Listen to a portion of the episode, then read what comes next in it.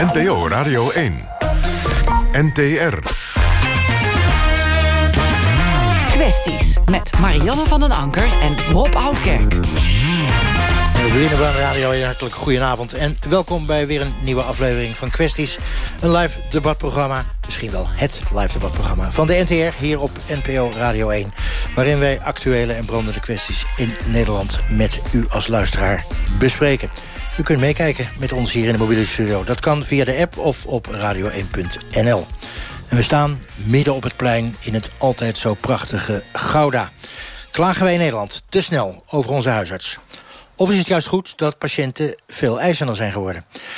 Sommige huisartsen zeggen... wij worden geïntimideerd door patiënten. Maar wat is dat dan precies? En dokters, communiceren die altijd wel goed met hun patiënten? En hoe zit het eigenlijk met hun werkdruk en de fouten die ze maken?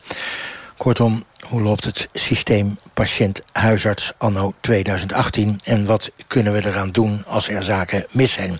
Daarover ga ik praten met gasten in de bus en aan de telefoon. Maar nu eerst Marjan van Anker over de Vierdaagse Schoolweek. Marjan. Ja, Rob, wij zijn uh, hier in Zaandam. Het was hier hartstikke druk op het terras waar wij net zaten... omdat er ook een theatervoorstelling was. Inmiddels zitten wij hier met onze gasten... en gaan wij praten over de volgende kwestie. Want hier in Zaandam zijn na de herfstvakantie... vier basisscholen ertoe overgegaan... om een vierdaagse werkweek in te, schoolweek in te voeren. En de ouders die pikken dat niet. Ruim 140 ouders hebben inmiddels de petitie 5, niet 4 ondertekend. Hoe krijgen we snel meer leerkrachten? Minister Slop besloot deze week dat leerkrachten geen salarisverhoging krijgen. Hoe gaan we dan het lerarenvak aantrekkelijker maken? Misschien door de PABO wat makkelijker te maken. En tot die tijd misschien toch ouders voor de klas... of onbevoegde leerkrachten of studentenpedagogiek. Alles beter dan de vierdaagse schoolweek. Nou, daar praten wij over met Richard Hookwie en Boudewijn eh, van Weert. Jullie hebben de petitie Vijf dagen naar school, niet vier... omgedoopt tot Vijf, niet vier gestart.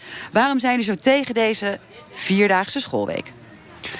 Nou, het is uh, wat mij betreft uh, de, de, druppel die de emmer doet overlopen. Dus uh, een hellend vlak. qua kwaliteit voor, voor de kinderen. Er zijn natuurlijk al een aantal problemen. En ehm, ja, dit is een, weer een nieuwe maatregel om, ehm, om de kwaliteit omlaag te halen. En... Ehm, ja, wij als ouders hebben tot nu toe eigenlijk geen inspraak gehad in dit. We hebben ook ja, niet echt onze stem laten horen. Jullie hoorden het? We hoorden het als, uh, als toe, uh, toehoorders. Maar we zijn natuurlijk partij in, uh, in dit geheel. En uh, ja, wij zijn heel bezorgd over, de kwaliteit, over, over wel, wat voor soort onderwijs onder onze kinderen ehm, gegeven wordt. Dat zei Boudewijn van Weert, een van de ja. petitienemers van 5 niet 4. Richard Hookwie, samen met Boudewijn op pad gegaan. Heel 140 ouders nu achter jullie geschaard. Um, welke oplossingen zien jullie? Je bedoelt oplossing voor de toekorte leerkrachten? Ja, want jullie willen geen vijf dagen... Uh, natuurlijk dat, uh, dat, dat, dat de actie vijf niet vier gewoon doorgaat. Dat de kinderen weer vijf dagen naar school gaan. Ja, ten eerste... Wij, wij begrijpen dat er een ernstig probleem is in Nederland... met toekorte leerkrachten. de petitie is niet tegen de leerkrachten. Laten wij dat ook eerst zeggen. Wij willen samenwerken en ouders willen helpen. Ja, dat is het eerste. Ik heb mijn eigen mening voor oplossingen. En die, die wil ik uh, graag delen in deze discussie. De ouders willen helpen. Nou, wellicht is er een van de ideeën dan om ouders dan maar zelf voor de klas te zeggen. We zijn, zetten. We zijn eerder deze week op pad gegaan en hebben dat gevraagd. Is dat een goed idee? Meer ouders voor de klas. Ja, ben ik het eigenlijk wel mee eens. Misschien dat zij door de mensen die juist een ander creatief vak bijvoorbeeld uh, doen... en de ouders die dan één dag per week voor de school kunnen staan... de kinderen juist ook wel weer een andere kant daarvan kunnen leren. Nou, vind ik belachelijk. Dat vind ik meer als belachelijk. Maar ik bedoel, je, je moet er toch voor leren. En dan heb je geleerd. En dan kan je niet voor de klas omdat er te weinig betaald wordt of iets dergelijks. Want daar zal het wel over gaan. Nou, dus snap ik die leraren, snap ik wel. Maar ik vind niet dat ouders voor de klas moeten. En ook niet dat er vierdaagse... Kijk, want waar leidt dat toe? Het ene kind leert beter dan het andere kind. Ja? En later wordt dat kind er misschien de dupe van. En dat vind ik erg. Nou, ik, ik denk dat de kwaliteit voor het leren uh, belangrijk is. En uh, kijk, ouders als ze inspringen, nou oké, hartstikke goed voor effies. Maar, maar om, om dat uh, definitief op te lossen... Ik vind dat er een leraar, deskundige voor de klas moet staan... en niet een, een moeder, huisvrouw of, of wat anders... Nou, dat is helemaal waar. liever vijf dagen school voor de kinderen. Dan zitten ze in een vaste ritmepatroon. Nog vier dagen gewoon naar school toe. We zijn hier eh, in Zaandam eh, twee schoolbesturen betrokken bij het lerarentekort. Een van die schoolbesturen is Agora. Daar werkt eh, Jessica Pootje als basisschoolleerkracht. Um, aan welke kant sta jij eigenlijk? Aan de kant van het schoolbestuur, het andere schoolbestuur Zaandam Primair... die heeft gezegd, wij gaan voor een aantal klassen over tot vier dagen naar school? Of sta je aan de kant van de ouders die zeggen... kinderen horen vijf dagen naar school te gaan? Ik sta aan de kant van het onderwijs. En uh, in Nederland hebben we een groot probleem. En dat betekent dat er te weinig leerkrachten zijn... en dat de kwaliteit van het onderwijs achteruit holt. En we zijn al jaren aan het pleisters plakken...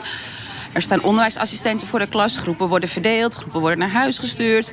Uh, eh, IB's gaan voor de klas. Um, en dat gaat allemaal ten koste van de kwaliteit. En door vier dagen naar school te gaan... Um, is eigenlijk een uiterste maatregel um, van, ja, uit de kast getrokken. Waar niemand in onderwijsland op zit te wachten. Want als onderwijsbestuurder, uh, leerkracht... wil je alleen maar goed onderwijs bieden. En uh, het, de vierdaagse schoolweek is geen probleem. Het is een symptoom van een veel groter probleem. En Voskuilen, jij bent bestuurder van uh, de scholenkoepel... die die vierdaagse schoolweek heeft ingevoerd. Overigens wel voor op dit moment nog maar 156 leerlingen... van de 15.000 die in Zaandam naar school gaan. Maar het is wel ingevoerd door jullie. Is het een noodmaatregel? Is het een politiek statement? Had je het ook anders kunnen oplossen? Het is absoluut een noodmaatregel. Het is niet iets waar wij uh, trots op zijn dat we dit moeten doen. We kunnen niet anders. En het is ook een statement om duidelijk te maken dat wij vinden dat het kwaliteit dusdanig onder druk komt dat wij vinden dat we met vijf dagen en dit tekort... de kwaliteit van het onderwijs niet langer kunnen waarborgen. En daar maken we ons hard voor dat we die vier dagen die we dan hebben... ook heel goed onderwijs geven. Dat klinkt mooi, maar uh, Richard en Boudewijn zeiden net... wij zijn er helemaal niet in, in gekend. Hebben jullie misschien een communicatiefoutje gemaakt... ook in deze drastische maatregel? Nee, we zijn uh, voor de zomervakantie al uh, begonnen met... nou ja, als het zo doorgaat en we kennen de cijfers... de tekorten zijn schrikbarend... Um, hebben we gezegd van, nou, misschien zit dit er wel aan te komen. Vervolgens hebben we begin van dit schooljaar... alle ouders van de beide schoolbesturen een brief gestuurd met... nou, ouders, wij zijn bang dat wij deze vervelende maatregel mogelijk moeten gaan nemen. En we hebben geprobeerd ouders daar voortdurend van op de hoogte te stellen wat de ontwikkelingen zijn. Boudewijn? Ja, we hebben het gehoord inderdaad. Uh, het is wel eenrichtingsverkeer. Dus in die zin uh, ja, zijn we er niet bij betrokken. En, en het is wel voor ons heel belangrijk. Nou is ook een van de overwegingen geweest uh, van het schoolbestuur dan primair... om kinderen niet op te knippen, Ellen uh, Voskuil. Hoe zit dat precies in elkaar? Nou, we hebben uh, met name het bestuur van Agora... heeft vanaf januari bijgehouden hoe vaak kinderen in een andere klas moeten... hoe vaak een directeur voor de groep, een intern begeleider...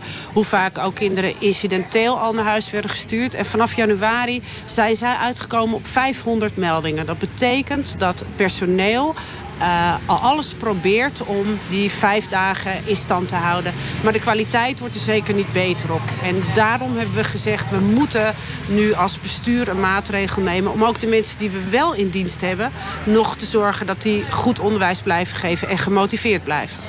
Nou ja, dat dus voor wat betreft de kwestie hier 5 niet 4. De petitie, eh, jullie gaan hem dinsdag aanbieden aan de wethouders. Lokale politiek hier ja, betrokken. En willen ze ervoor zorgen dat de kinderen hier in Zaandam... weer vijf dagen per week naar school gaan. Is dat jouw indruk, eh, Richard Hokie? We hebben de petitie al aangeboden aan de wethouder. Afgelopen woensdag. En uh, met hem elke breid over gesproken.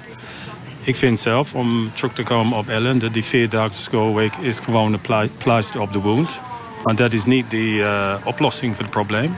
Ik snap... Wat is dan wel de oplossing?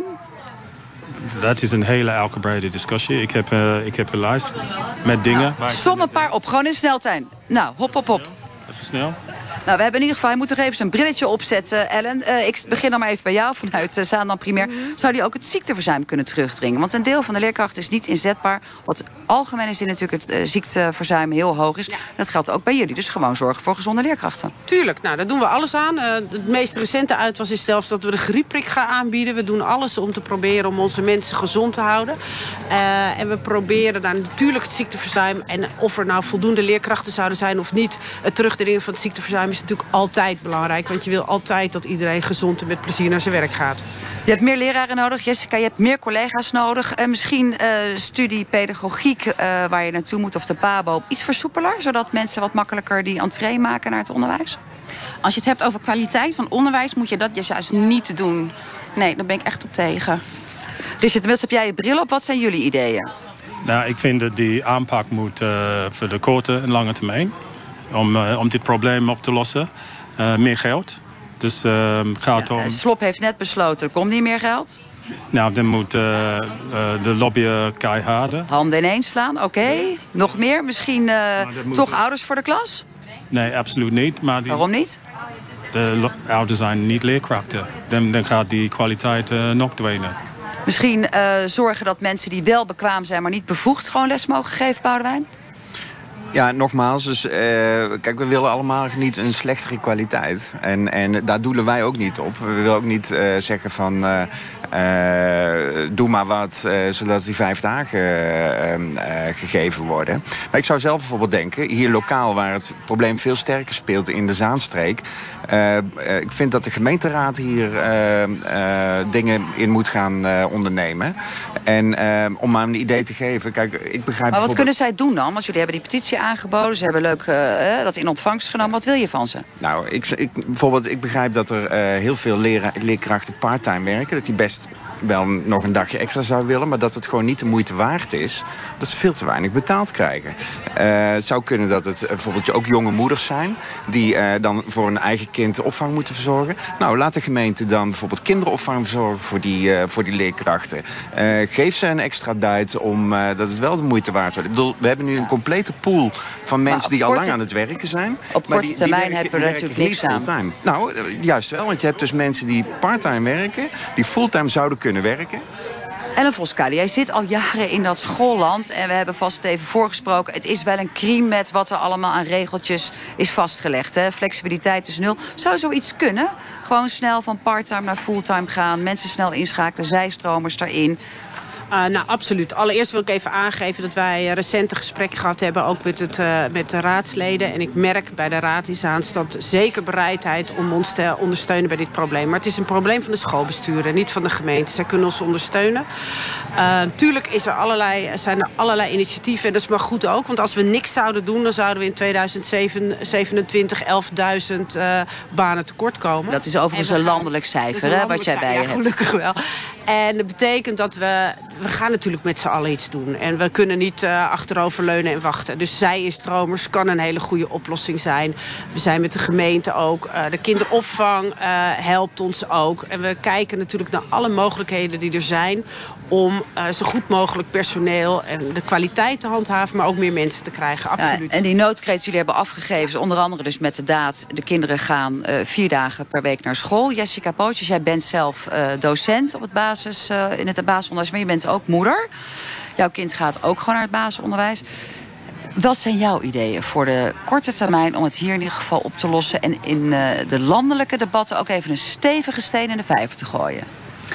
Nou, korte termijn uh, laat ik hem eventjes bij de bestuurder liggen. Er zijn heel veel initiatieven aan alle kanten. Um, op de lange termijn denk ik toch echt dat het vak aantrekkelijker gemaakt moet worden. Er moet echt uh, een eerlijker salaris komen. Het is een hbo-opleiding. En dat moet gelijkgetrokken worden met het voortgezet onderwijs. Uh, want er is nog steeds een salariskloof. Mensen uit de bovenbouw vertrekken naar het VO... omdat ze daar voor meer geld een minder, met minder werkdruk kunnen werken. Dus je moet zorgen dat je de mensen die er zijn behoudt voor het onderwijs. Maar er is net natuurlijk een hele actie over geweest. Er is gestaakt. Het schiet allemaal niet op. Dus dat is door een keer herhaling van zetten. Is er niet nog iets creatievers te bedenken? Kijk even naar de ouders, want jullie hebben ook nagedacht. Wat staat er nog op jouw lijstje, Richard Hokie? Ik denk dat we moeten uh, uitgebreid onderzoek doen, landelijk. Niet alleen in de Zaanstreek. Waarom gaat leerkrachten niet blijven? Waarom stromen ze niet in? En dan, daarna actie. Maar dat weten we allemaal al. Salaris is laag, werkdruk is hoog, uh, weinig ruimte om dingen okay, te kunnen doen. Oké, okay, maar er zijn wel financial incentives die, die uh, leerkrachten kunnen wel krijgen. Huursubsidies, extra salaris, uh, bonus, noem maar op. Dan is die vierdaagse schoolweek voorlopig een feit. En jullie hebben er net die petitie tegenaan uh, getekend. Dus op korte termijn blijven die kinderen gewoon vier dagen per week naar school gaan en vrijdag vrij. Ik wil niet dat mijn kind vier, uh, vier dagen naar school gaat. absoluut niet.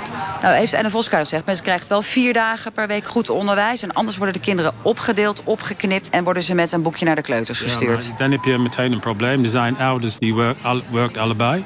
En dan moet één uh, vrij nemen om thuis te komen. Dat is uh, niet te doen voor andere mensen. Of uh, alleenstaande moeders, dat kan ook niet. En Voskuilen, je hebt daar natuurlijk uh, wellicht ook al over nagedacht... toen jullie dat besluit namen om vierdaagse schoolweek in te voeren. Dat je ouders natuurlijk in de probleem werkt, zeker werkende ouders. Ja, zonder meer. En dat weten we. Uh, het is ook niet voor niks een noodmaatregel. We doen het niet omdat we denken, nou, het is leuk om uit te proberen. We zien echt geen andere optie op de korte termijn. En natuurlijk maar nu, ik onderbreek je, Ellen, je hebt dat papiertje bij je met de cijfers die landelijk de prognose ja. aangeven. Je zegt het is nu een korte termijn noodmaatregel. 1% van de kinderen zijn dan moeten ermee getroffen. Maar alles wat we hier net vanavond be besproken hebben... gaat niet op korte termijn gerealiseerd worden. Dus binnen no time is heel Zaandam aan de vierdaagse schoolweek toe. En ik denk dat we daar misschien dan nu een voorloper in zijn... maar ik denk dat het niet bij de Zaanstreek blijft als het zo doorgaat. Dus de vierdaagse schoolweek wordt een nieuwe trend in Nederland? Ik ben er bang voor. Jeetje, nou Jessica, dan heb je in ieder geval een dagje extra vrij als uh, docent. Was dat maar waar? nee, dat is zeker niet het geval. Het gaat over een vierdaagse schoolweek, geen vierdaagse werkweek. De vierdaagse schoolweek is omdat er gewoon geen leerkracht is voor die vijfde dag. Dat betekent dat alle leerkrachten die er zijn keihard werken. En dat op de dag dat er geen leerkracht is, de kinderen vrij zijn. Er wordt ook wel eens gesuggereerd dat het zou helpen als je gewoon een 50 week lang durend schoolprogramma hebben, Ellen. Dat lijkt mij dan dat je dat aan de luisteraars er even uit moet leggen... hoe dat, dat een oplossing zou kunnen zijn. Want dan heb je misschien toch nog weer meer docenten nodig... zouden mensen denken als je 50 weken per jaar open gaat... en geen schoolvakanties meer hebt. Ja, maar je blijft dan wel 940 uur lesgeven. Dus 940 uur onderwijs. Maar je kunt bijvoorbeeld met je buitenschoolse opvang, naschoolse opvang... creatiever omgaan met de tijd. En dan kun je het beter uitsmeren. En dat zou mogelijk een van de creatievere ideeën zijn... waar we aan moeten gaan werken. En daar zijn nou, en al die creatieve ideeën, Rob... die uh, worden hier wellicht in Zaanstad Zaandam al uitgevoerd. Ouders zijn in ieder geval nog steeds bezorgd... en kijken ook nog steeds bezorgd. Maar wij houden het hier even bij deze vaststelling... dat hier in Zaandam de noodkreet is afgegeven en de vierdaagse schoolweek wellicht een trend gaat worden in heel Nederland. Rob, terug naar jou. Dankjewel Marianne uit Zandam. Ik voel me ontzettend oud. Ik ging nog zes dagen naar school. Zaterdagochtend moesten wij ook nog opdraven. Iets heel anders. Een huisarts betoogde onlangs dat de huisartsenzorg achteruit gaat... doordat patiënten steeds mondiger worden en steeds veel eisender. Soms zelfs intimiderend of ronduit agressief. En huisartsen zouden daardoor op hun beurt defensief worden... en ook te makkelijk allerlei onnodige vervolgonderzoeken doen... om maar van het gezeur van hun patiënt af te zijn.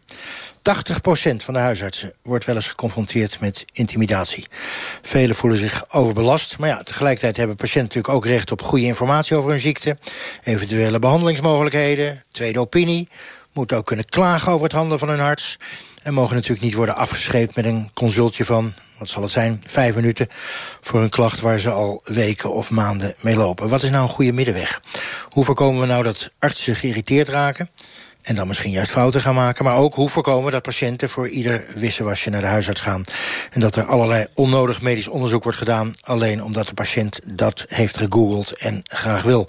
Daar gaan we over debatteren hier in Gouda op het mooie Marktplein. Maar eerst vroegen we op straat of patiënten lastig en onredelijk zijn voor de huisarts. Sommigen misschien. Ik, ik heb daar geen ervaring mee. Ik denk niet dat ze makkelijk zijn. Nee. Patiënten, ja, mee eens. Zijn niet, zijn niet makkelijk.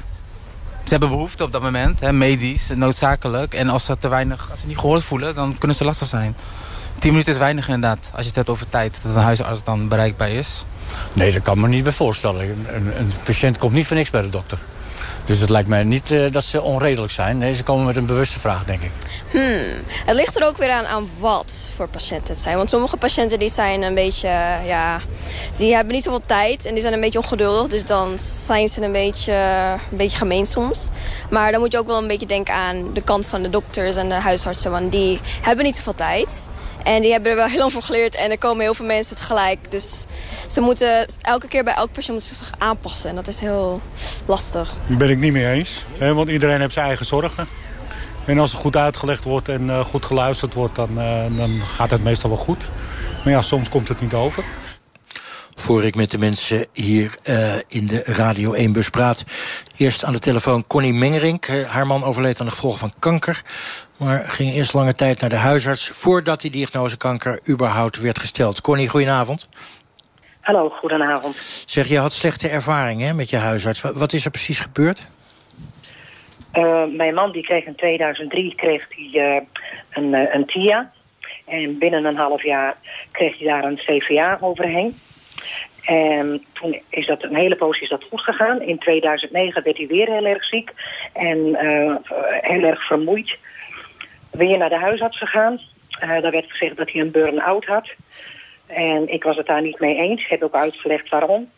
Maar daar wilde de huisarts dus niet naar luisteren. En toen in het weekend daarop uh, kreeg mijn man een, weer een TIA naar het ziekenhuis geweest... en daar bleek dat zijn linkerslag, uh, uh, halsslagader helemaal dicht zat. Dus uh, dat werd een acute opname en operatie. Daarna is het ongeveer een jaar, anderhalf jaar redelijk met hem gegaan, maar hij herstelde niet. Ik heb steeds aangegeven dat ik dat niet vertrouwde, dat ik het ook niet begreep. Omdat mijn vader had dezelfde operatie ondergaan, was daar keurig van hersteld, ging ook uitstekend. Behalve bij mijn man, hij bleef zwak, ziekelijk. Maar er werd helemaal niets mee gedaan. Tot op de dag dat mijn man dus ernstige klachten kreeg. Uh, druk uh, op de borst, maagpijn, uitstraling naar de armen. Ook dat werd niet gehonoreerd. eerst naar de plaatsvervangend huisarts. En die heeft een botweg gewoon naar huis gestuurd met de woorden van... ik weet het niet. En mijn man zegt, ja, maar je kunt me nu toch niet naar huis sturen? Hij zei, nou, ik weet het niet. Hij zegt, het enige wat ik je aan kan raden, neem dan een extra maagbeschermer. Omdat mijn man dus ook zei dat hij maagklachten had. En uh, ga maar naar huis. Mocht het erger worden, zie ik je terug. En anders dan, uh, ja, als het niet beter wordt, moet je daar toch maar eens beter naar laten kijken. Dat duurde nog een week voordat ze bij mijn eigen huisarts terechtkomt. Want die was met vakantie. En uh, die wilde hem naar een maag-darmspecialist hebben. We hadden ook genoemd van, kan het het hart ook zijn? Maar daar werd overheen gepraat. Uh, wat we ook te berden brachten, uh, bleek allemaal niet belangrijk. Zij wist het, dus we moesten maar op haar woorden vertrouwen. Toen naar het ziekenhuis gebeld om een afspraak met een maag-darmspecialist te maken daar heeft mijn man ook nog aangegeven van... kan, ik, kan het ook zijn dat ik, dat ik hartklachten heb? Want ik heb dus ook uitstralingen aan mijn armen. Nee, we moesten eerst maar eens gaan kijken naar de maag, en darmen... en daarna zou er wel verder gekeken worden. Eerst maar even bij dit blijven. Nou, dat heeft hij dus verder niet gehaald. Want toen werd mijn man in die nacht zo ernstig uh, ziek... en uh, ging het zo uh, verkeerd dat... Hij lag uh, te zweten, hij had een asgrauwe kleur. Het was net of er iemand uh, met een heel zwaar gewicht bovenop zijn borst zat. Hij had maagpijn, hij had uitstralingen naar de armen. Dus ik had gelijk de huisarts in de ochtend gebeld. En de assistente die zei dat uh, zij voor het uh, spreekuur zou komen. Ik had duidelijk uitgelegd van, dat het verschrikkelijk was. Dat het pijn nauwelijks te verdragen was. En uh, dat hebben ze gewoon genegeerd. En toen ik dus in de loop van de ochtend weer gebeld heb met uh, van waar blijft de huisarts, werd er gezegd van uh, het spreekuur loopt uit. Dus je moet nog even geduld hebben, mevrouw. Terwijl Connie, duidelijk aan mij gezegd was Connie. dat ze voor het spreekuur al bijna een man aanwezig zou zijn. Connie, ik ga je even onderbreken. Ik, ik zou je zo tot uh, de uitzending afgelopen is door kunnen laten praten. Wat voor mij, als ik dit zo hoor, die paar minuten duidelijk is... is dat je af en toe uh, vond dat de huisarts niet naar je luisterde. Af en toe dat hij niks hoorde. Uh, dat je je niet erkend voelde. Ik kom zo bij je terug. Ik ga eerst even praten met mensen die hier in de bus aanwezig zijn. Waaronder uh, Nox Nauta, welkom. Uh, arts en patiënt. Helpt dat eigenlijk als je als, je als patiënt ook arts bent? Soms wel en soms niet. Leg eens uit. Want er zijn allerlei uitdagingen. Als ik zelf bepaalde symptomen voel, of klachten voel. En ik ga naar een arts. Want ik, ik ga natuurlijk eerst zelf nadenken van wat kan het zijn. En ik ga pas naar een arts als ik denk van ja, ik heb iemand anders nodig om mee te kijken. En dan ga ik naar een arts. Wat vind je het een voordeel dat je zelf zoveel weet en zoveel na kan zoeken? Ja, het is een voordeel. Ja? Uh, want je lost de simpele dingen zelf op. Maar als je naar een arts gaat, dan denk ik van ja, dan, dan heb je ook een aantal stappen al doorlopen. En dan vertel ik het aan mijn arts. En dan heb ik een aantal keren gemerkt dat die arts als het ware denkt dat ik voor het eerst kom. En dat ik niks, er niks van af weet. En dat is heel dubbel. Want als arts, als je patiënt bent, ben je altijd angstig en onzeker.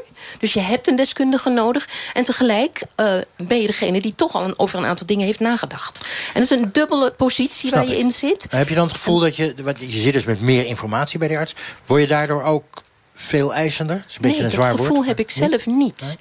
Ehm, maar het zal te maken hebben met de interactie tussen mij en de arts. Of die arts dat gevoel ook heeft. Want ik denk dat een arts juist ook in de opleiding heeft geleerd... dat alle patiënten verschillend zijn. En je moet juist afstemmen op het niveau van de patiënt. Op het denkniveau van de patiënt, op het gevoelsniveau van de patiënt. Dat is een onderdeel van je professionaliteit. En ik heb de laatste jaren, ik ben inmiddels 70, dus ik kom wel eens wat vaker bij artsen.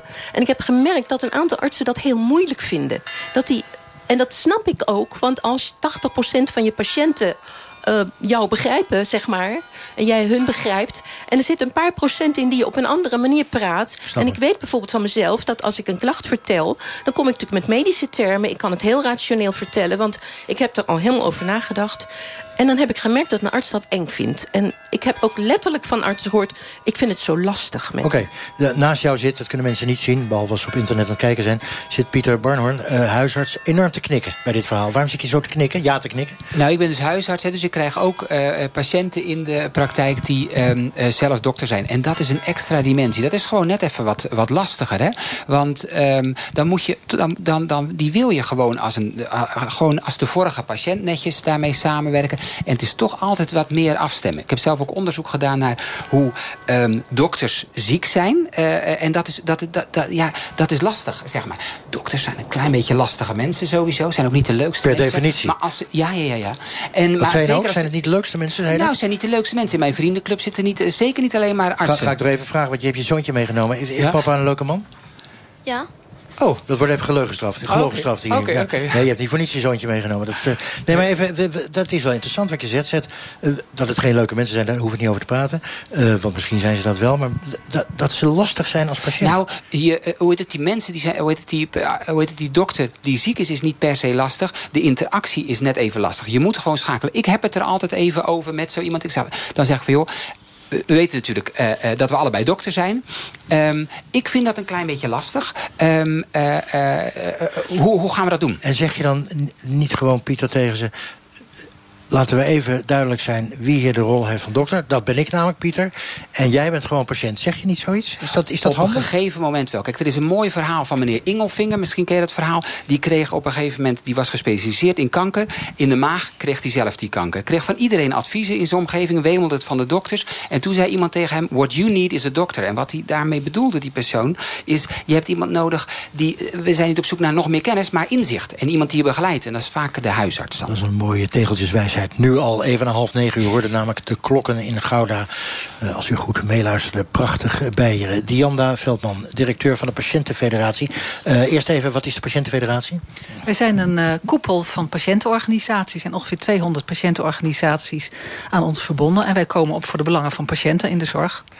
Uh, nou hebben we het over overbelaste huisartsen. Mensen die niet tevreden zijn over een huisarts. Krijg je daar veel, of krijgen jullie, neem me niet kwalijk, daar veel klachten over? Gemiddeld zijn patiënten in Nederland behoorlijk uh, tevreden over hun huisarts. Als je op Zorgkaart Nederland krijgt, een waarderingssite... dan zie je dat huisartsen, ik meen de 7,8 gemiddeld Nog even voor hebben. iedereen, zorgkaartnederland.nl of zoiets. Ja. Dan kunnen mensen gewoon kijken. Dan, uh, zie je, zie je reviews, waarderingen van andere patiënten over... Uh, dokters, ziekenhuizen, fysiotherapeuten. Iets, precies ja, hetzelfde. Heel okay. handig. Ja. Ja. Okay. Ja, is het zo handig? Of moeten we het daar nog over hebben? Uh, zegt Pieter Barnhorn, uh, is dat zo handig? Uh, Vind je dat niet handig? Want... Nee, nee, nee, nee, absoluut niet. Want er komt iemand die komt bij mij, uh, zeg maar, die heeft het niet naar zijn zin gehad. Het is een vervelend uh, consult geweest, wat gewoon voorkomt. Ik heb ook slechte consulten. En dan komt er gelijk een negatieve bericht op. Of er staat, uh, bij mij staan er dan toevallig positieve dingen. Iemand die heel erg positief... Dat, die, die twee dingen, dat zegt zo vreselijk weinig. Weet, weet, je wat het, weet je wat het is? Als je als patiënt zorg nodig hebt, hoe weet je waar je moet zijn? Wie voor jou een goede dokter is, wat een goed ziekenhuis is? Je kan het je buurvrouw vragen of je, of je zus. Maar uh, uh, er is heel erg weinig objectieve informatie. En daarom vind ik het belangrijk dat je in elk geval... Uh, de grote gemene delen van de, de mening van andere patiënten daarover kunt lezen. Natuurlijk wil je het liefst ook weten wat zijn de wachttijden... en wat is de kwaliteit van die dokter. Ja. Dus als, dat, als dat er ook is, is dat heel erg mooi. Maar dat is nog maar heel erg weinig. Dus zo lang moeten we het hiermee doen. Oké, uh, even voordat we verder gaan. Uh, we hebben de straat ook maar gevraagd, zo heet dat, hè? De straat. Uh, wat denkt u eigenlijk over huisartsen? Doen ze hun werk vaak minder goed, bijvoorbeeld vanwege de tijdsdruk? Eens, omdat het inderdaad klopt dat er altijd lange wachtrijen zijn. Je moet lang wachten op je afspraak. En ik denk dat zij, buiten dat ze wel veel mensen per dag zeg maar, ontvangen het wel inderdaad druk gewoon krijgen. En ook voor hunzelf beter, slechter hun werk kunnen doen. Omdat ze ook maar korte periodes hebben om mensen te behandelen. Zodat het allemaal snel, snel, snel maar achter elkaar moet. Nou, ik ben van het jaar goed geholpen, dus... Ik word goed geholpen, maar... Nee, was prima. Ik word goed geholpen, dus ik heb daar eh, geen probleem Nee. mee. Ze zijn zeker overbelast, maar of ze daardoor hun werk niet goed doen, dat vraag ik me af. Want ze doen volgens mij gewoon hun best om hun werk te doen, maar ze hebben echt wel heel veel werk. Het is wel dat, dat ze veel meer naar hun toe krijgen dan dat ze hadden. Nou, mijn huis was dus wel fantastisch goed, dus ik bedoel... eh, ja, het is gelukkig maar net, net wie je voor je hebt als huisdokter zijn. de- Dat hangt samen, ja. Mee eens, ja. Ben ik mee eens. Mijn huisarts die heeft altijd tijd voor mij, maar wel kort. En ik moet, je moet wel, ik moet wel weet je, voor mezelf opkomen als ik nog extra vraag heb. Dus ik merk echt wel dat hun hun werk dan ook niet naar behoren kunnen uitvoeren. Ik geloof wel dat zij zelf meer tijd zouden willen hebben. En dat ze tijd te weinig hebben. Tijd te weinig. Eh, Pieter Barno, een huisarts, heb je ook tijd te weinig? Ik zou, ik zou echt graag een kwartier per patiënt willen hebben. Dan heb nu ik hoeveel? 10 minuten. Ik heb vaak het gevoel dat ik te weinig tijd heb voor de patiënt. Ik zou liever een kwartier, dan kan, zou ik veel meer uitkomen en die patiënt recht doen. Heb je het gevoel dat door de bureaucratie en de zorg... allerlei dingen die je moet invullen... dat, dat je eigenlijk tussen aanhalingstekens te weinig patiëntenzorg kan doen... en te veel dingen eromheen? Ik doe veel dingen, eh, eh, hoe heet het, en mijn collega eh, nog meer... dingen waarvoor we niet geleerd hebben. Ik ben nog het liefst met de patiënten gewoon bezig. En er zijn een aantal randverschijnselen... die die patiënt niet per se ten goede komen. En dat zijn? Ja, die bureaucratie. Die bureaucratie. Hey, nou laat recent onderzoek zien dat er veel overbelasting is... dat er veel intimidatie is. Noem eens een voorbeeld van intimidatie. Heb jij dat meegemaakt? Nou, ja, kijk, dat is natuurlijk hoe je dat zelf opvat. Hè. Ik, ik eh, praktiseer in Roervarensveen en daar zijn we niet van de intimidatie. Ik ben daar nog nooit geïntimideerd. En eh, hè, we moeten ook niet doen alsof dit nou een hele grote groep is... alsof patiënten eh, nou zulke kwaaie mensen zijn. Er zijn, ehm, nou, ik denk dat het over 1, 2, 3 procent gaat... waarvan je niet op een die manier mee samenwerkt... zoals je het graag zou willen hebben. Dus een Is klein dan- beetje... Snap ik, maar is dat dan niet gewoon een kwestie van bad communication? Gewoon slechte communicatie, verkeerde bejegening? Is het niet zoiets eenvoudigs? Ook hoor. Wat we in de Ook. hele maatschappij zien? Nee, ook, tuurlijk. Er zijn, als ik naar, terug naar huis fiets naar Leiden... dan zijn er consulten waar ik minder trots op ben. Afgelopen vrijdag, eh, morgen heb ik weer, eh, zit ik weer in de praktijk. Dan probeer ik het nog weer beter te doen. Vrijdag zat ik in de praktijk. Nou, daar zaten drie consulten bij waarvan ik denk... joh Piet, daar ben je geen dokter voor geworden. Had het even, dat, had, dat had gewoon netter gekund. Google of iets anders? Wat bedoel je dat? Of bedoel je iets anders? Nee, nee, nee. Dat, ik, dat, dat iemand eh, eisend naar me toe komt, dat ervaar ik eerlijk gezegd wel een klein beetje als intimiderend. En daar kun je op verschillende manieren mee omgaan. Wacht En- even, dat eisen, wat, wat bedoel je met dat eisen? Nou, dat iemand binnenkomt die zegt... eh, wat kan ik voor u doen, zeg ik dan. hè, Dat is de binnenkomstzin van mij. En dan zegt die patiënt, ik ben moe. eh, ik wil graag vitamine B12 eh, eh, getest hebben. Nou, dat is natuurlijk dat is een jammer begin. Daar heb ik gewoon niks aan. Ik wil het over die moeheid hebben. En niet over die vitamine B12. Misschien wel een keer, maar dat is een verkeerd begin. Maar dan moet ik de grootheid hebben natuurlijk... om het over die moeheid te kunnen gaan hebben. En over de angst. En om vier uur 's middags lukt me dat soms niet. En daar baal ik van. Omdat je zelf moe bent. Ja. ja, het is zeven over half negen. U luistert naar kwesties. En we staan midden op het Marktplein in Gouda... om te praten over bijvoorbeeld veel eisende patiënten. Eisende patiënten die vaker klachten zijn gaan indienen. Ook in Nederland tegen hun huisarts. En we vroegen eerder deze week op straat of het goed is... dat patiënten mondiger worden en gewoon meer eisen stellen aan de huisarts. Nou, dat is wel waar. Dat is wel waar. Kijk, je moet wel zeggen wat je op je hart hebt, zeg maar. En je moet je zegje kunnen doen bij de huisarts. Ze moeten gewoon luisteren. Denk oneens. Misschien dat ze wel wat meer te veel druk ervaren. Dat denk ik wel, ja. Daar ben ik het wel een beetje mee eens, ja. Want als ehm, de patiënten geen eisen stellen, dan ontwikkelt het ook weer niet. Dan blijft het maar. Ik heb ook heel vaak gehoord dat er problemen zijn dat de huisartsen die zeggen dan van... oh, je gaat deze test doen, je moet deze test doen, je moet deze test doen. Die patiënten hebben, kunnen dat misschien niet eens betalen of zo. Dan doen ze het wel. En dan zitten ze van, ja, hoe ga ik dit doen, hoe ga ik dit doen? En dan zijn, waar die testen bijvoorbeeld niet eens nodig. He- hebben mijn ouders ook meegemaakt. Die worden dan helemaal leek van, ik heb helemaal voor niks gedaan. Ik denk wel dat het goed is om mondiger te zijn als je wil doorverwezen worden. Want sommige huisartsen doen daar best moeilijk over. En als jij echt zeker weet dat je iets hebt, dan zou ik wel willen dat mijn huisarts me doorstuurt. Ja, vroeger liet je je helemaal ervan afhangen en dan ging het misschien ook niet goed. Dus aan de ene kant is het goed, maar je moet niet te mondig worden. Want de dokter is wel degene die er verstand van heeft. Dianne Veldman, dat laatste. De dokter is degene die er verstand van heeft. Is dat zo? De dokter heeft geleerd uh, uh, voor een medisch beroep.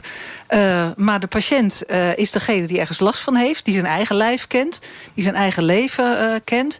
En wat wij keer op keer merken als je praat met mensen... of als je onderzoek doet... mensen willen gehoord en gezien worden. Willen dat er aandacht voor hen is. Dus ja, ik denk wel eens van... het is voor dokters, die moeten voor de helft medische kennis hebben... en voor de andere helft moeten ze gewoon kunnen luisteren naar mensen... en kunnen praten met mensen. En dat klopt wel. Mensen zijn mondiger geworden. Mensen kunnen ook veel meer opzoeken op internet. Uh, mensen worden ook ongerust. Uh, ik vind het heel erg belangrijk dat in de spreekkamer... dat goede gesprek gevoerd wordt waarbij je allebei een rol hebt. Het is niet zo de dokter heeft gelijk. Het is ook niet zo de patiënt heeft gelijk.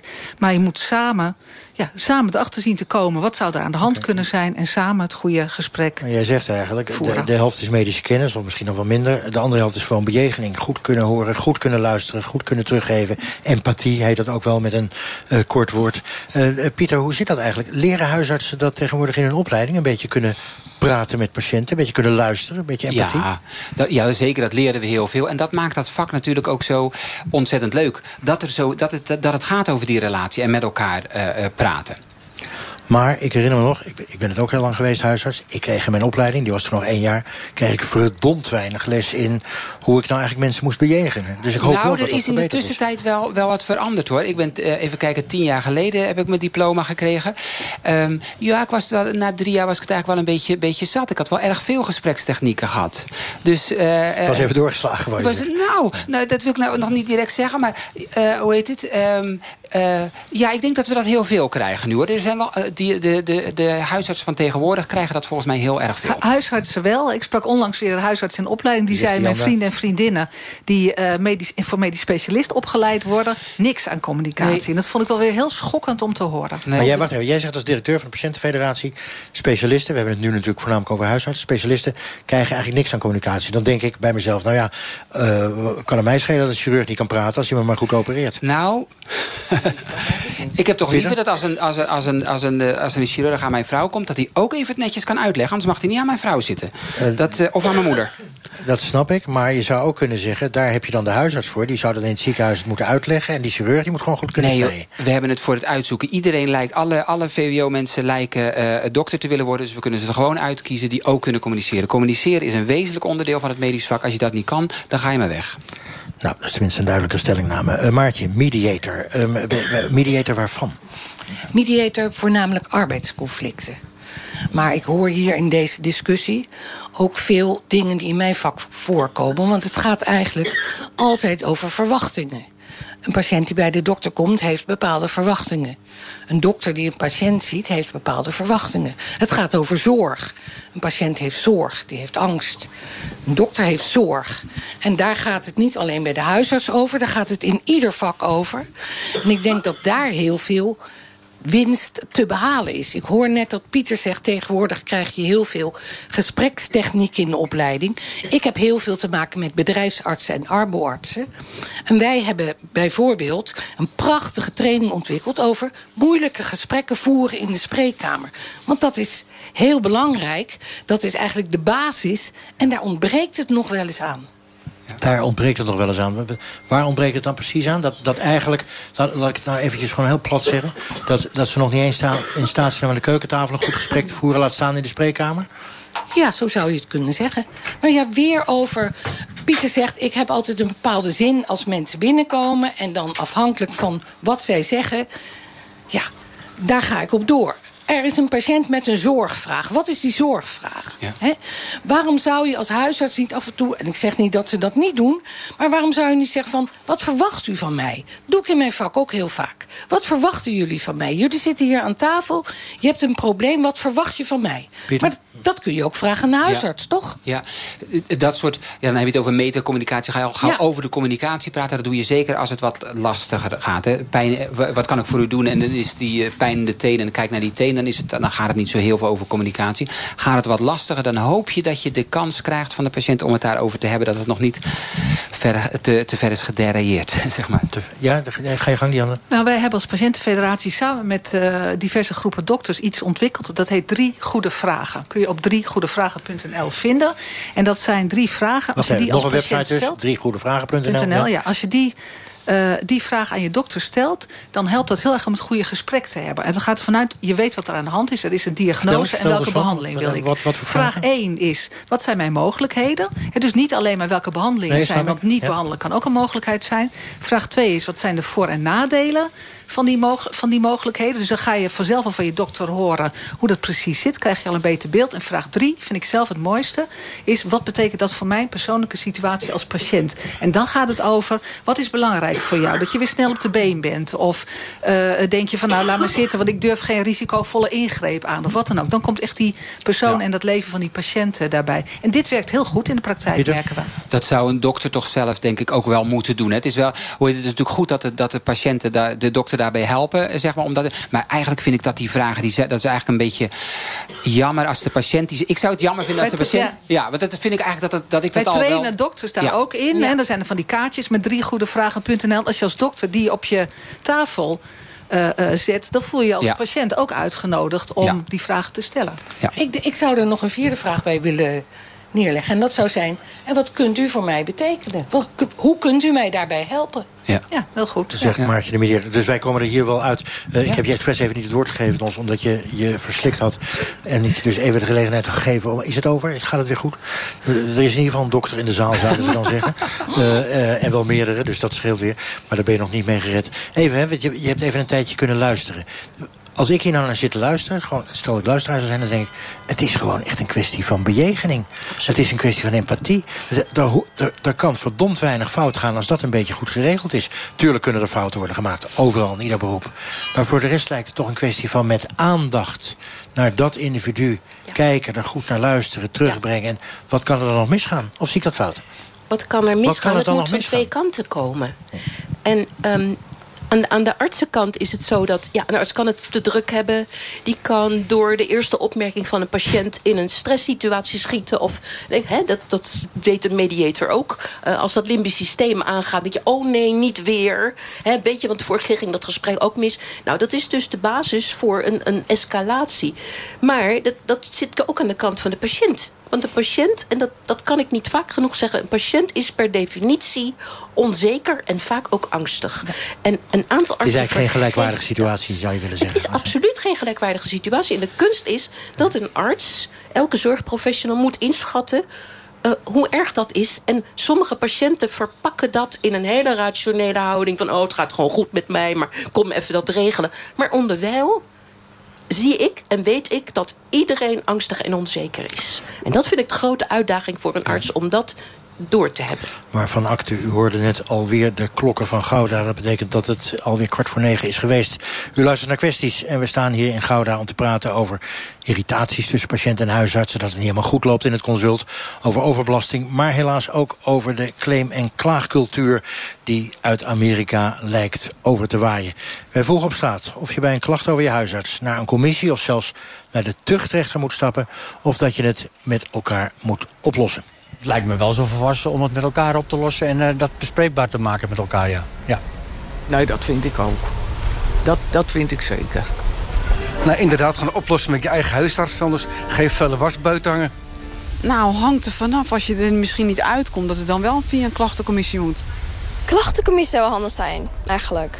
Want met de huisarts, ja, wat gaat hij doen? Wat, wat gaat hij precies doen? Het is als het persoonlijk is, naar die, bijvoorbeeld naar de mevrouw of de meneer zelf, naar de eh, huisarts, oké. Maar als het echt gewoon een klacht is van in het algemeen, de hele praktijk, ja, dan zou ik naar de klachtencommissie gaan. Want het, je gaat die, die persoonlijke dingen met ze bespreken. Ah ja, kijk, eerst met elkaar. Kom je er niet uit, dan kan je altijd nog naar de klachtencommissie toe. En als je er niet uitkomt met z'n tweeën, dan, eh, dan kan je altijd een stapje verder doen. En ik zou dat altijd aangeven. Goh, dat, eh, ik vind het niet genoeg wat je zegt en ik ga wat eh, stappen verder doen. Aan de telefoon hangt nog steeds geduldig Connie Meerink. Zat je zat aan het begin van de uitzending. Jij bent op een bepaald moment naar de tuchtrechter gestapt. Hè? Had die tuchtrechter genoeg jouw belang in de gaten? Eh, ja, zo heb, ik het, eh, zo heb ik het wel ervaren. Ja. En betekent dat dat, je, dat er een soort, ja, hoe moet je dat zeggen? Dat er een soort eh, genoegdoening, ja, je kan er nauwelijks over praten hè, als genoegdoening. Maar dat, het, dat je in ieder geval op dat moment je erkend voelde in alles waar je tegenaan was gelopen, zoiets? Nou, ik voelde mij wel erkend door de commissie waar ik voor stond. Maar ik voelde mij dus absoluut in mijn hemd gezet door mijn huisarts. En ik vond het onvoorstelbaar eh, dat tijdens de rechtszaak ze anders niet heeft geprobeerd dan eh, alles en iedereen de schuld te geven behalve zichzelf. En dat op een gegeven moment zo wist te verdraaien alsof ik het allemaal had bedacht. En dat heeft mij vreselijk gekwetst. En ik vond daar ook niks integers aan. En ik heb dat haar ook ontzettend kwalijk genomen. En ik had zoiets van... eh, had in ieder geval ballen genoeg gehad om te zeggen van... Sorry, sorry, sorry. Eh, ik, ik, ik heb dit compleet verkeerd ingeschat. Ik heb hier grote fouten gemaakt. Dan was ik misschien niet eens naar de rechter gestapt. Alleen eh, nu, nu, nu was het zo van... eh, nou, alsof wij het bedacht hadden. Ik begrijp het, ja, ik- begrijp je ook heel goed. En ik hoor eigenlijk door de telefoon heen dat je er nog kwaad over bent. Dankjewel, Connie. Aan de telefoon ook psycholoog Martin Appelo. Goedenavond. Goedenavond. Dag, jij schreef het boek Verslagen door het tuchtrecht. Eh, je moest zelf als psycholoog twee keer voor de tuchtrechter verschijnen. Twee patiënten Ja. die je, je hebben aangeklaagd. Waarvoor precies? Nou, de eerste keer was het omdat ik ehm, eh, eh, bepaalde uitspraken deed over een patiënt waar ze niet van gediend was. En de tweede keer was het omdat ik een patiënt wilde beschermen tegen, de, tegen haar ex-partner die haar bijna had vermoord. En ik had hem eh, dader genoemd in een brief, terwijl hij nog niet was veroordeeld. En dat had ik niet mogen doen. En daarvoor heeft hij mij eh, aangeklaagd. Eh, wat vind je? Is het een zegen of een vloek dat, dat, dat je aangeklaagd kan worden? nou, ik denk dat het op zich heel erg goed is dat er in Nederland een tuchtcollege is. Omdat er helaas in ons vak af en toe mensen rondlopen die patiënten moedwillig slecht bejegenen. En eh, nou, de rotte appels moeten uit de mand worden gehaald. En daarvoor is het heel erg goed dat er een tuchtcollege is. Eh, maar ik vind wel dat het tuchtcollege zeg maar, een bepaalde werkwijze heeft die zo eh eh, ehm, zeg maar, één vaste, vaststaande werkwijze heeft. Waardoor ook hulpverleners die niet van kwade wil zijn te hard getroffen worden. Te rechtlijnig, eh, als ik je ja, goed te begrijp. rechtlijnig, te Dankjewel. rigide Ik vraag het even aan eh, Pieter Barnhorn, eh, huisarts hier eh, aanwezig. Moeten we het makkelijker of moeilijker maken... eh, dat patiënten allerlei bezwaren eh, kunnen uiten... en ook juridische procedures, hè, zoals in Amerika, kunnen inslaan? Wat vind jij? Ik zou, ik zou ervoor willen pleiten dat we het makkelijker maken om eh, met elkaar in gesprek te gaan. Dat je daar meer tijd voor hebt. Ik heb zelf een keer een klacht eh, gekregen. Dat gaat je niet in je koude kleren zitten. En dat, dat, dat, dat, dat werkt contraproductief. En wat het leuke is bij deze klachten, ben ik, dat, is, is wel, heeft een mooie draai gekregen.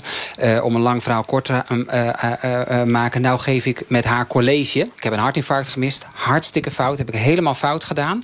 Daar was ze terecht helemaal boos over. Maar nu zijn we op een veel productiever, eh, hoe heet het, productiever iets gekomen... door samen college over klachten te geven... en over missen van hartinfarct en over fouten eh, maken. En dat vind ik veel leuker dan die klacht. Dianne Veldman, eh, directeur van de Patiëntenfederatie. Dat is ook een oplossing. Eh, ja, het is een goede oplossing. Wat, wij, wat we keer op keer zien is dat als een dokter een fout maakt... ehm, dat het heel erg belangrijk is dat hij of zij daarna sorry zegt. Als dat niet gebeurt, hè, en dat horen we net in het verhaal van Connie aan de ja, telefoon zei Connie ook, hè? Sorry, sorry, dan sorry. Worden, dan worden patiënten juist verschrikkelijk boos. En, nou, want want het, eh, hè, soms het kan een klein foutje zijn, maar het kan ook grote fouten zijn... die veel consequenties eh, hebben. Dus dat is het eerste wat je moet doen, vind ik, als arts... Wees gewoon eerlijk en zeg: Ik heb dit niet goed gedaan. even, en ik vraag- hoop er ook van geleerd Dan vraag ik even aan Nox en aan Pieter. Nox Nauta en Pieter Barnhorn. Allebei artsen.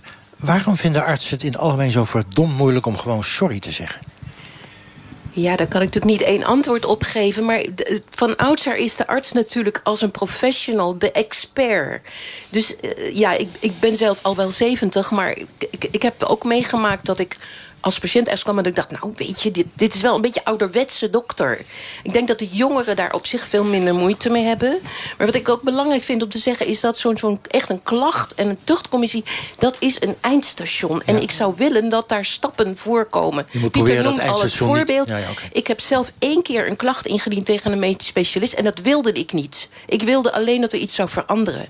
En toen zei de klachtenfunctionaris... ja, dan is een klacht toch eigenlijk wel het beste. Ik zei, dat wil ik niet. Ik wil dat iets verbeterd. Maartje van Zelten, mediator. Het, uh, nog zei net, misschien is het wel een generatieprobleem... dat die oudere artsen wat, wat autoritairder zijn, wat lastiger. Is dat ja, zo? dat denk ik ook. En die hebben waarschijnlijk wat meer moeite...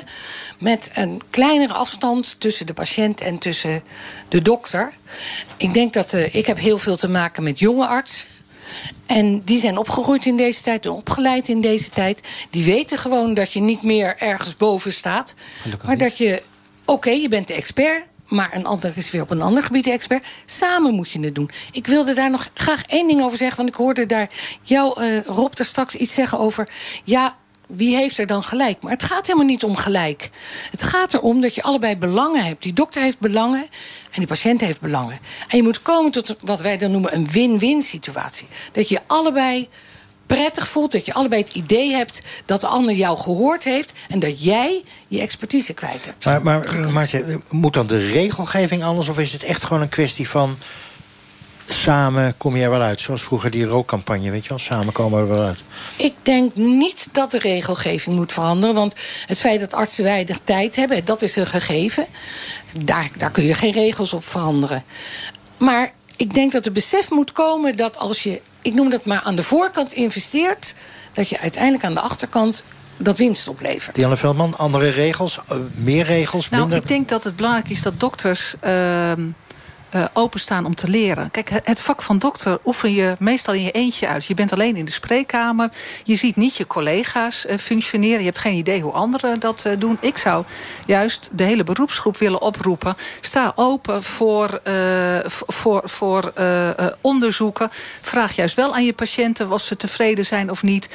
vergelijk je met andere artsen. Praat erover. Heb een intervisiegroep. Noem maar op. Ik denk dat kan je alleen maar beter worden als je die lerende houding hebt. Pieter, duidelijk oproep. kopen? Ja, nou ik denk dat uh, als we teruggaan naar de huisartsen, dat dat wel heel veel uh, echt wel gebeurt. Dat je daar ook wel op mag vertrouwen. Er, hoe heet het?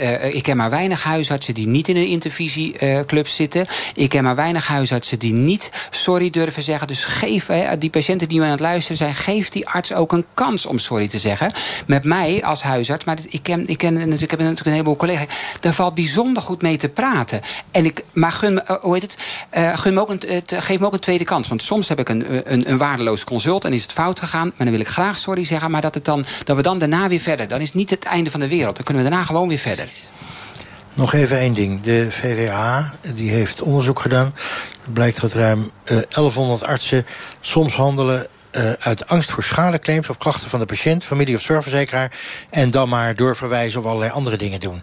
Um, Dianne Veldman, directeur van de Patiëntenfederatie... dat is toch ook geen goede ontwikkeling? Nee, ik vind dat zeker geen goede ontwikkeling... Uh, om alleen maar mensen door te verwijzen. Je moet met mensen in gesprek gaan.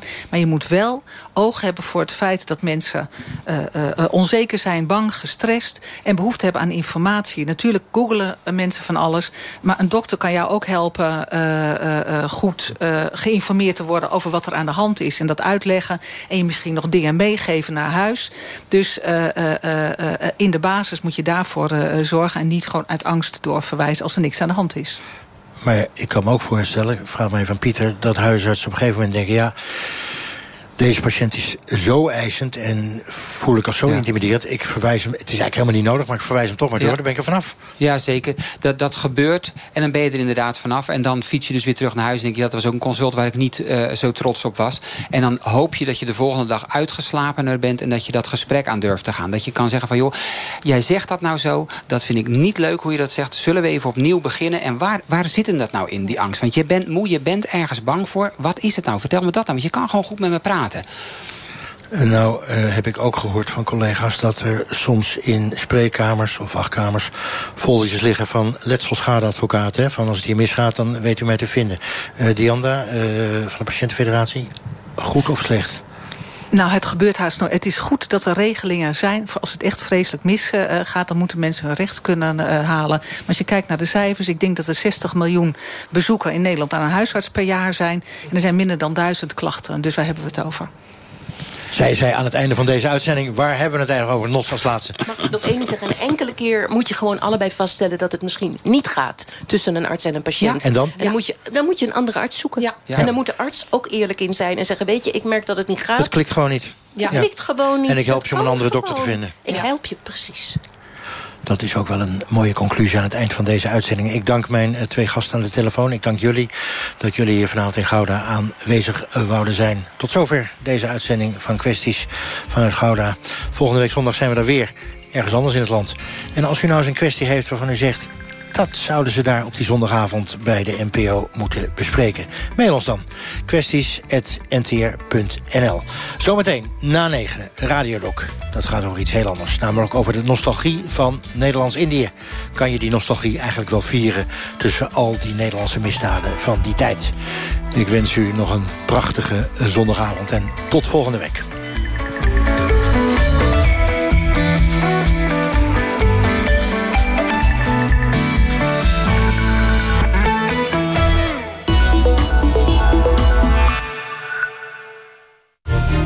Vergroot uw wereld met de kwaliteitsjournalistiek van de Volkskrant. Om uw kijk op de wereld voorgoed te vergroten... heeft de redactie vier baanbrekende boeken geselecteerd. Lees nu vier weken voor maar 4 euro de Volkskrant... en ontvang een boek naar keuze cadeau. Ga naar volkskrant.nl slash actie en start direct met lezen. Nou, dus dit wordt onze core strategy.